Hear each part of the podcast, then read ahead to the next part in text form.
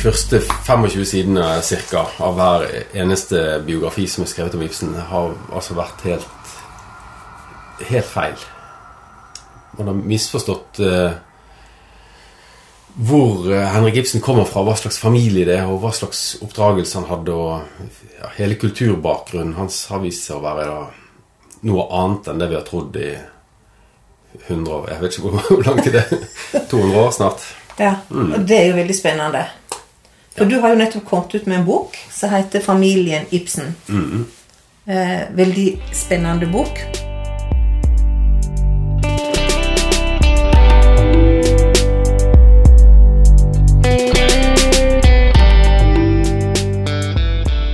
Farmoren er, er liksom opprinnelig fra Skien og kommer fra dette gamle handelspatrisiatet. De andre er liksom tidligere forvaltere, embetsmennsfamilier, da, som flytter til Skien. For du kan jo nesten høre på etternavnene til disse hvem som var bønder, og Ja. hvem som var av det høyere ja. Men, men der er Ibsen litt sånn ambivalent, da. Ja. Hva er, er Ibsen egentlig et norsk navn? Og det har vi kanskje forsøkt å få til, virker det som, i de gamle biografiene. da. Men eh, Og kanskje egentlig Altså, det kommer jo litt fra Danmark også, men eh, Men Altenburg, Plesner eh, eh, ja, von der Lippe Alle disse navnene er jo mer åpenbart ikke norske. Nei. Og ikke en typisk telemarksbonde heller. Nei. Nei. Nei.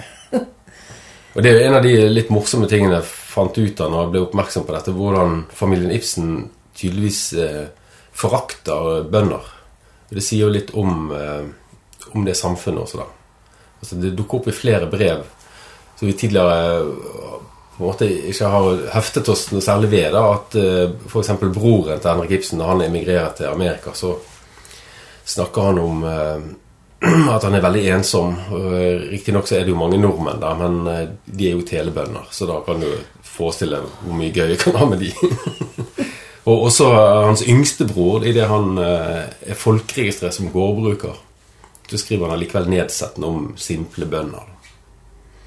Det er et interessant trekk ved den kulturen Ibsen vokste opp i. Og går du til Ibsens litteratur, så skriver han jo ikke noe særlig mye om bønder heller. Nei.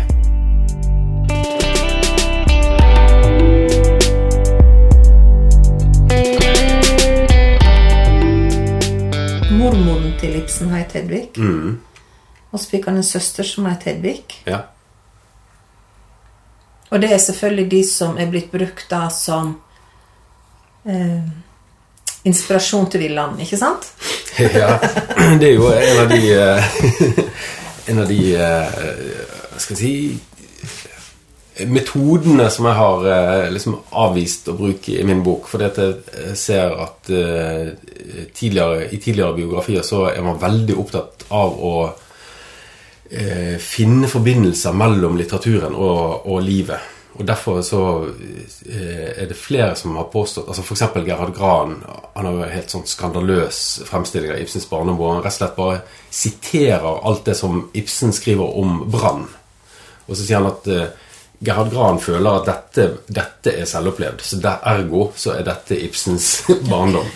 Og så ja, og Tilsvarende med Villanden.